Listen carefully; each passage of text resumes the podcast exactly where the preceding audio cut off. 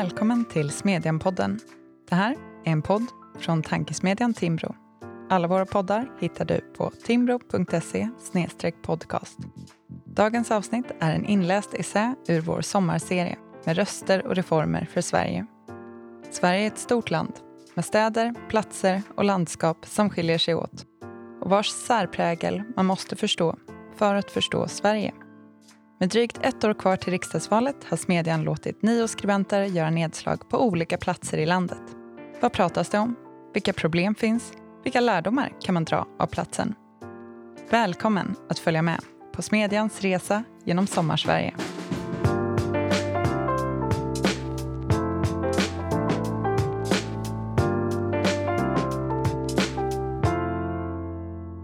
I dagens avsnitt hör ni mig, Ann Heberlein och essän Att lämna Malmö och att återvända. Malmö, den skånska metropolen vackert belägen vid Öresund, rikets tredje stad, är inte bara en stad. Malmö är också ett begrepp med politisk sprängkraft, symbol för allt som gått fel i Sverige de senaste decennierna. Lars Åberg var inte den första att beskriva Malmös problem men hans bok Framtidsstaden från 2017 fick ett enormt genomslag. Om Sverige imorgon blir som Malmö idag, hur blir Sverige då? är den retoriska undertiteln till boken som låg på topplistorna i månader. Lars Åbergs bok är en rysare. Politikerna måste ta hans fråga på allvar, menade Expressens ledarsida. En av de viktigaste böckerna jag läst på mycket länge, hävdade Folkbladet. Utan tvekan har Åbergs bok haft stor inverkan på den bild av Malmö som många som aldrig besökt Malmö har. Malmö betraktas som farligt, smutsigt, dysfunktionellt, som en stad med öppen droghandel, islamister och gängkriminalitet, skottlossning och våldtäkter. Själv använder jag mig av Malmö som varnande exempel i min bok Den banala godheten från 2017. Jag menade att den politik som förts i Malmö i decennier präglas av det jag kallar för en banal godhet. Alltså en naiv välvilja, en önskan att göra gott utan att reflektera över konsekvenserna av sina handlingar och sina beslut. Den tidigare nämnda boken av Lars Åberg erbjuder rika exempel på just banal godhet. Aningslösa politiker och tjänstemän som lanserat projekt efter projekt för att främja integration och bryta utanförskap, men aldrig ställt några som helst krav. Lars Åbergs bok är en naken och saklig skildring av min barndomsstad. Jag föddes på Malmö allmänna sjukhus 1970. Min tidiga barndom bodde jag i Östra Sorgenfri, då en arbetarstadsdel, tidigare en stadsdel med nödbostäder. På 30-talet var det bostadsbrist i hela landet och Malmö byggde hyreshus för att ge stora och fattiga barnfamiljer tak över huvudet. De så kallade barnrikehusen som arbetarförfattaren Mary Andersson skrivit flera böcker om. Bland annat en dokumentärroman som heter just Sorgen fri. Jag har bott på Sofielund, Kirseberg, Möllevången och vid Sankt Knuts torg. Sommaren 1995 lämnade jag Malmö. Jag var trött på dealarna vid Folkets park, den öppna sexhandeln på Industrigatan, trött på att barnvagnar och cyklar stals, trött på att människor tog sig in i trapphuset och sov, trött på kriminaliteten som var ständigt närvarande. När bageriet mitt emot vårt hyreshus på Ronnebygatan rånades för tredje gången inom loppet av några månader hängde bagaren sig. I samma veva kastade sig en påtänd man från fjärde våningen i hyreshuset bredvid vårt. Det var en torr varm sommar och blodfläcken syntes i flera veckor. Jag klarade inte av att se misären och jag ville inte att mina barn skulle växa upp i en sådan miljö. Alltså flyttade jag och min dåvarande make till Lund. Tio minuter bort med pågatåget tedde sig världen helt annorlunda. Malmö är storstad, Lund är småstad. Malmö är arbetarklass, Lund akademin. Malmö är progressivt, Lund är borgerligt. Malmö är ruffigt, Lund är idylliskt. Det var en flytt till en annan framtid och ett annat liv. Förutsättningar för den klassresa som jag stod alldeles i början av 1995 Förutsättningen för att mina barn skulle växa upp till självklar medelklass, gå i bra förskolor och utmärkt grundskola. Erövra den sortens stabila självförtroende som en trygg och privilegierad uppväxt ger. Jag ville ge mina barn något annat än det Malmö kunde erbjuda. Mina barn blev lundensare. Jag fortsatte att vara malmöit och slutade aldrig att längta tillbaka. I januari 2020 flyttade jag efter 25 år i exil tillbaka till Malmö. Och jag älskar att återigen bo i staden jag föddes i. När jag hösten 2019 glädjestrålande skrev på min Facebook att jag och min man skrivit kontrakt på en hyreslägenhet en bit ifrån Slussen överraskade reaktionerna mig. Jag såg som en förrädare. Min flytt föranledd av högst personliga skäl tolkades som ett politiskt ställningstagande. Eftersom jag bekänner mig till högerlägret förväntades jag sälla mig till Malmöbelackarnas högljudda skara. För delar av högern symboliserar Malmö allt som är fel med Sverige. Mina Facebookvänner berättade för mig att det var förenat med livsfara att vistas utomhus i Malmö efter åtta på kvällen. Flera menade att det rådde inbördeskrig i staden. Andra hävdade att sharia var på väg att införas i Malmö. Några skrev att det var klaner som kontrollerade Malmö och att polisen totalt tappat kontrollen. Jag har nu bott i Malmö med min man, min tonårsdotter och vår hund i ganska exakt ett och ett halvt år.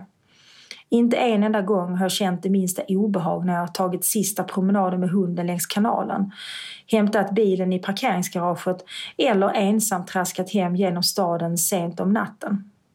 Människor som jag, medelålders medelklasskvinnor med praktiska skor, behöver sällan vara rädda i Malmö. För mig och min man är Malmö hittills en trygg stad. Min dotter är 19 hon rör sig ute alla tider på dygnet, går ensam från bussen på Värnhemstorget eller tåget vid Centralen. Hon är som unga människor alltid är, mer utsatt. Hon upplever sig dock inte mer utsatt här än i Lund. Samma höst som jag bestämde mig för att flytta till Malmö släppte Staffanstorps kommun en informationsfilm. Den lilla filmsnutten börjar i svartvitt. En blond kvinna går hand i hand med sin dotter på en gata i en stad med hotfulla gäng hängandes i gathörnen och graffiti på husväggarna.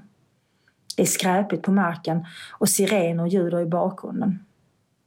Många av oss vaknar upp i en stad som vi en gång kallade vår hemstad, säger en röst på sävlig skånska och fortsätter. Men utvecklingen med otryggheten och utanförskapet har gjort att många känner sig förlorade och vilsna i sin stad. I nästa klipp bär den blonda kvinnan tillsammans med sin man flyttkartonger. Flyttbilen lämnar staden som helt uppenbart är Malmö, kör några få mil rakt ut på den skånska slätten och landar i Staffanstorp. Där blommar rapsen, himlen är blå och det är inte ljudet av polissirener som hörs i bakgrunden utan fågelkvitter. Människor ler mot varandra, hälsar och hjälps åt. Här finns lugnet, tryggheten och gemenskapen. Den svartvita, hotfulla storstaden är ett minne blott. Filmen slog ner som en av de otaliga bomber som briserat i Malmö de senaste åren. På några få dagar hade filmen setts av flera hundratusen människor. Otaliga texter skrevs om Staffanstorps informationsfilm och en del tuggade fradga av ren ilska. Organisationen Hela Malmö gjorde blixtsnabbt en egen film för att visa sin bild av Malmö. I filmen berättar unga Malmöbor, samtliga med icke-svenskt ursprung, om sina drömmar och farhågor. En ung man berättar om att han överlevde ett angrepp från Peter Mangs, mannen som härjade staden och satte skräck i stadens invånare 2009 och 2010. Mangs dömdes 2013 till livstids fängelse för två mord och åtta mordförsök. Två bilder av Malmö, men med gemensamma nämnare. Malmö har problem. Utgångspunkten i Lars Åbergs tidigare nämnda bok är också att Malmö är en problemfylld stad. Åberg skriver ut det som de båda filmerna blott antyder. Malmös problem är ett resultat av bristfällig integration. Det är naturligtvis det som gör bilden av Malmö till politiskt sprängstopp. På malmö.se kan man läsa att Malmö är den snabbast växande storstaden i Sverige. Malmö har en ung befolkning, nästan hälften är under 35 år.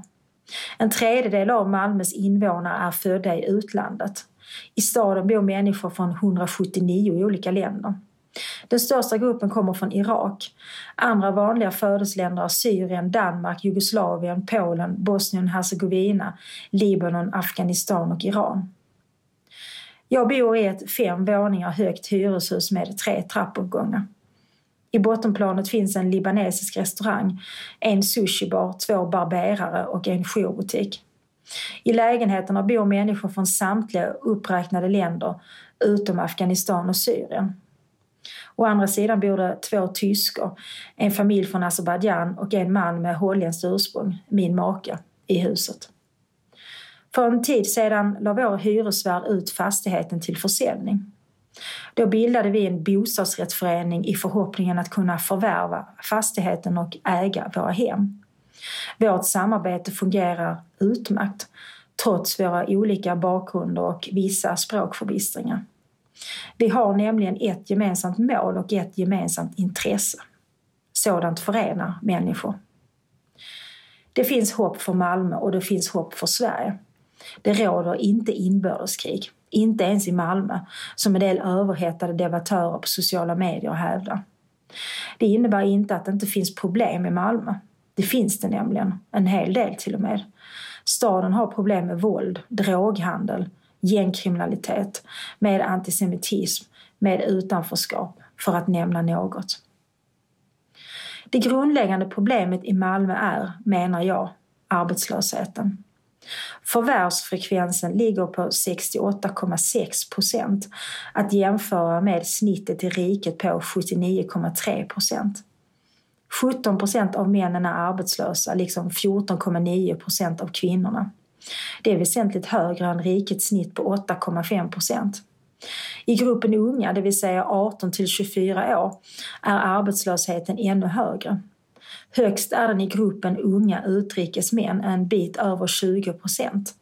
Nämnda siffra är från 2020. Det är tyvärr rimligt att anta att arbetslösheten, i synnerhet bland unga, blivit ännu större under pandemin. Arbetslöshetens destruktiva konsekvenser är väl kända. Arbetslöshet kan leda till både psykiska och fysiska bekymmer, passivitet och känsla av meningslöshet, för att inte tala om en kännbar påverkan på ekonomi och levnadsstandard. Likaså är arbetets betydelse för integrationen väl känd. Ett arbete, ett sammanhang, är en viktig nyckel till det svenska samhället. Den utbredda arbetslösheten är också kostsam för Malmö. Hela 19 procent av de vuxna Malmöborna hade år 2019 någon form av bidrag, statligt eller kommunalt, som sin inkomst. Ingen annan svensk stad härbärgerar så många invånare utan förmåga att försörja sig själva. Den som vill vinna valet i Malmö bör satsa på åtgärder för att minska arbetslöshet och bidragsberoende av flera skäl. För det första handlar det om individens behov av ett meningsfullt och värdigt liv. Förmågan att försörja sig själv är avgörande för självkänslan. Staden behöver också öka sina skatteintäkter och minska sina utgifter. Inte minst för att tillfredsställa alla de Malmöbor som faktiskt arbetar och bidrar. När man tar del av en del diskussioner om Malmö och utjämningsbidragen kan man få intrycket att ingen i Malmö arbetar och betalar skatt. Så är det naturligtvis inte. Vi är många som arbetar och betalar en hel del skatt också i Malmö. Det politiska styret i Malmö bör ägna oss, gruppen arbetande och skattebetalande Malmöbor, en del tankar. Malmö behöver nämligen oss. Vi som arbetar, följer lagen, tar hand om våra barn, läser läxor går ut med hunden är förutsättningen för ett tryggt och fungerande samhälle. Våra skattepengar behövs och vi behövs på stadens gator. Vi är vanligheten, vardagen, den stora massan som inte skjuter varandra eller planterar bomber. Därför är det bekymmersamt att just den här gruppen, yrkesaktiva i åldrarna 30 till 45 år, med andra ord barnfamiljer, är det som lämnar Malmö i högst utsträckning. De bosätter sig ofta i kommuner på pendlingsavstånd från staden, till exempel i Staffanstorp, precis som kommunens informationsfilm hävdar. När jag talar med vänner som väljer att flytta ifrån Malmö nämner de ofta skolan som en viktig anledning för att bosätta sig i en annan kommun. Precis som när jag för 25 år sedan lämnade staden. Skolorna i Malmö är överfulla och inte sällan dysfunktionella. Det skrämmer bort medelklassen som har månar om barnens skolgång. Därför är mitt andra råd till det parti som vill vinna valet i Malmö att göra rejäla och genomtänkta satsningar på skolan i Malmö.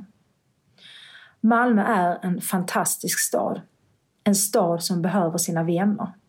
Därför stannar jag kvar, trots att jag ser de problem som staden brottas med.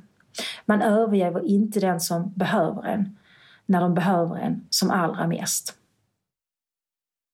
Du har lyssnat på en inläst essä från Smedjan och tankesmedjan Timbro.